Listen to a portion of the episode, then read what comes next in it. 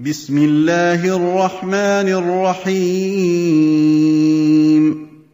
إذا السماء انفطرت. يقول الله عز وجل إذا السماء انفطرت وإذا الكواكب انتثرت وإذا البحار فجرت وإذا القبور بعثرت علمت نفس ما قدمت وأخرت.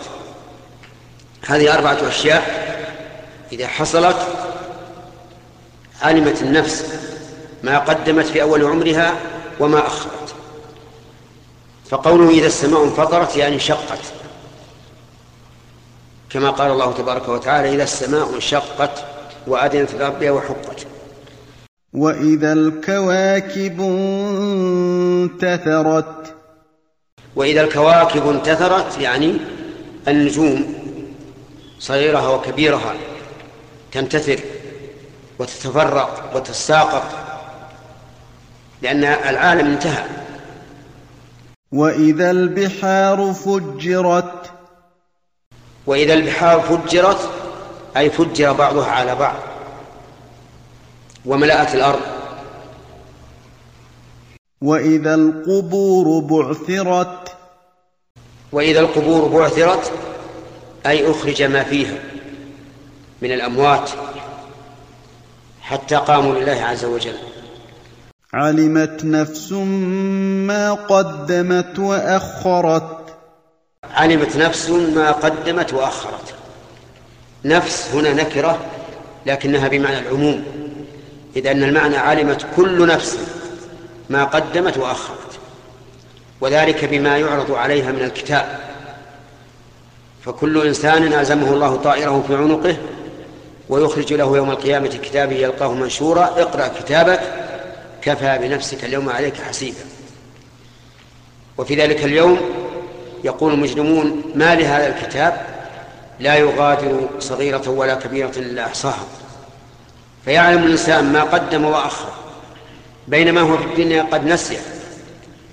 فنحن الآن نسينا ماذا عملنا من منذ أزمان بعيدة لكن يوم القيامة يعرض علينا عملنا فتعلم كل نفس ما قدمت واخرت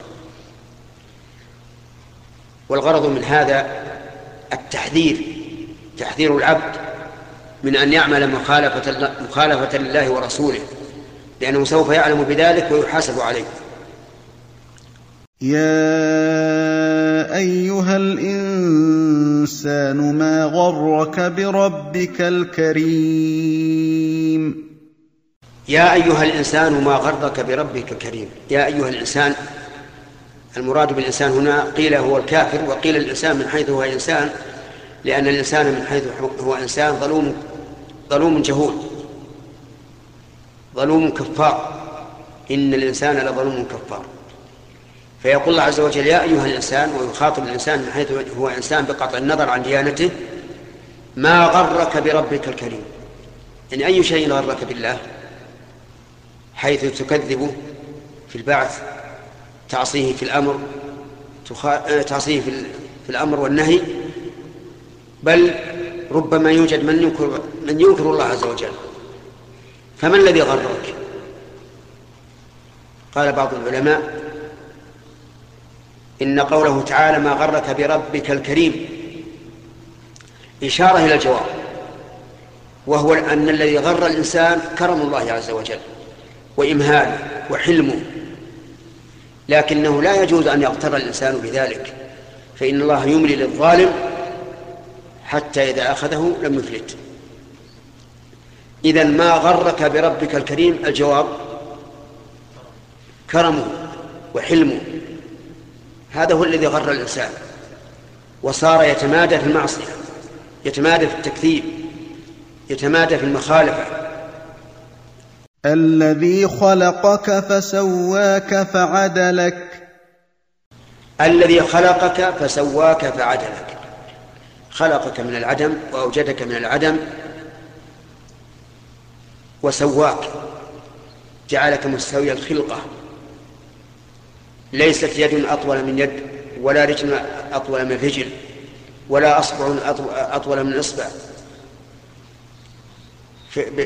بحسب اليدين والرجلين فتجد الطويل في يد هو الطويل في اليد الأخرى والقصير هو القصير وهلم جر سوى الله عز وجل الإنسان من كل ناحية من ناحية الخلقة.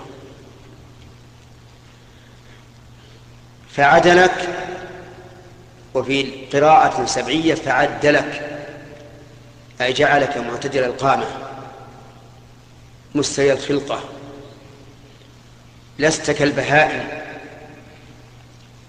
التي آه، لم تكن معدلة بل تسير على يديها ورجليها. أما الإنسان فإنه خصه الله بهذه الخصيصة. في أي صورة ما شاء ركبك. في أي صورة ما شاء ركبك يعني الله ركبك في أي صورة شاء. من الناس من هو جميل ومنهم من قبيح ومنهم من المتوسط ومنهم الأبيض ومنهم الأحمر ومنهم الأسود ومنهم ما بين ذلك. أي صورة يركبك الله عز وجل على حسب مشيئته.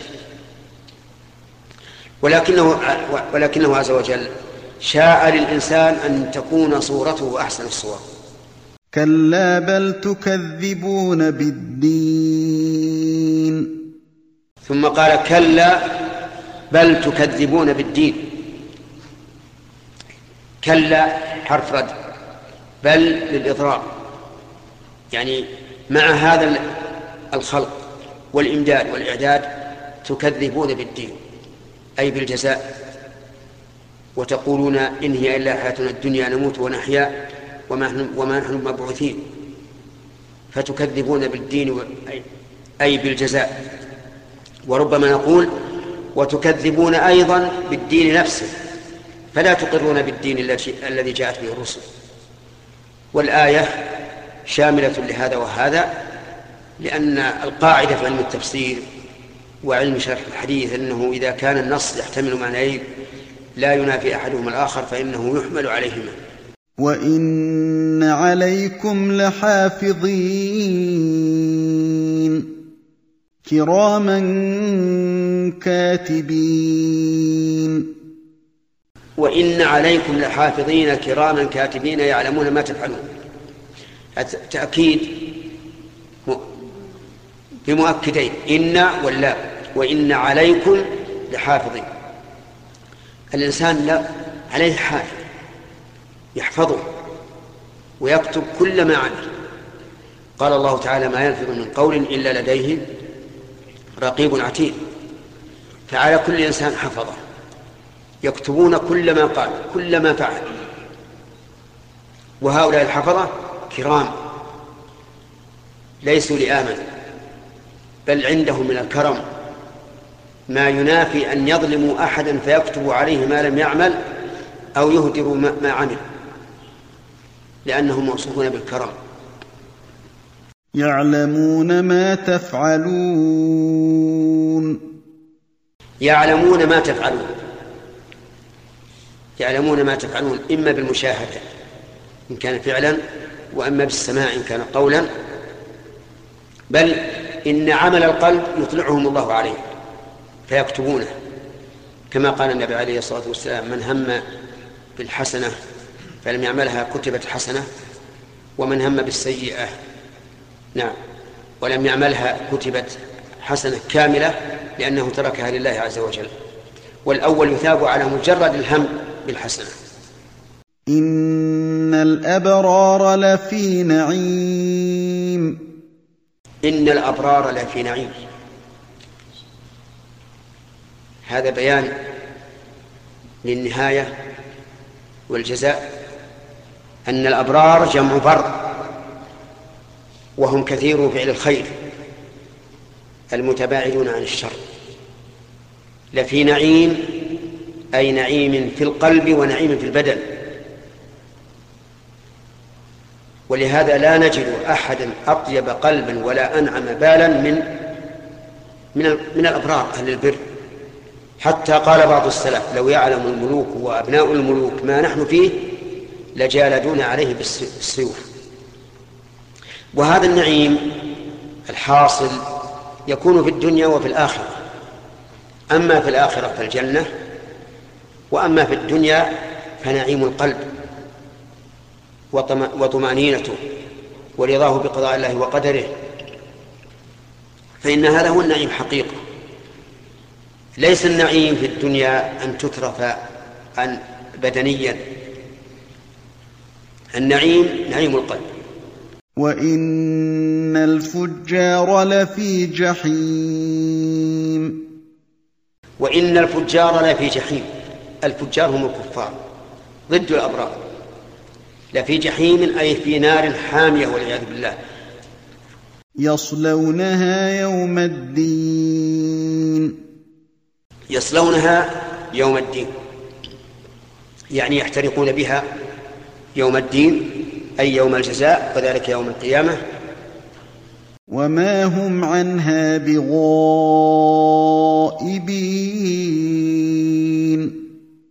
وما هم عنها بغائبين؟ أي لن يغيبوا عنها فيخرجوا منها. كما قال الله تبارك وتعالى وما هم منها بمخرجين.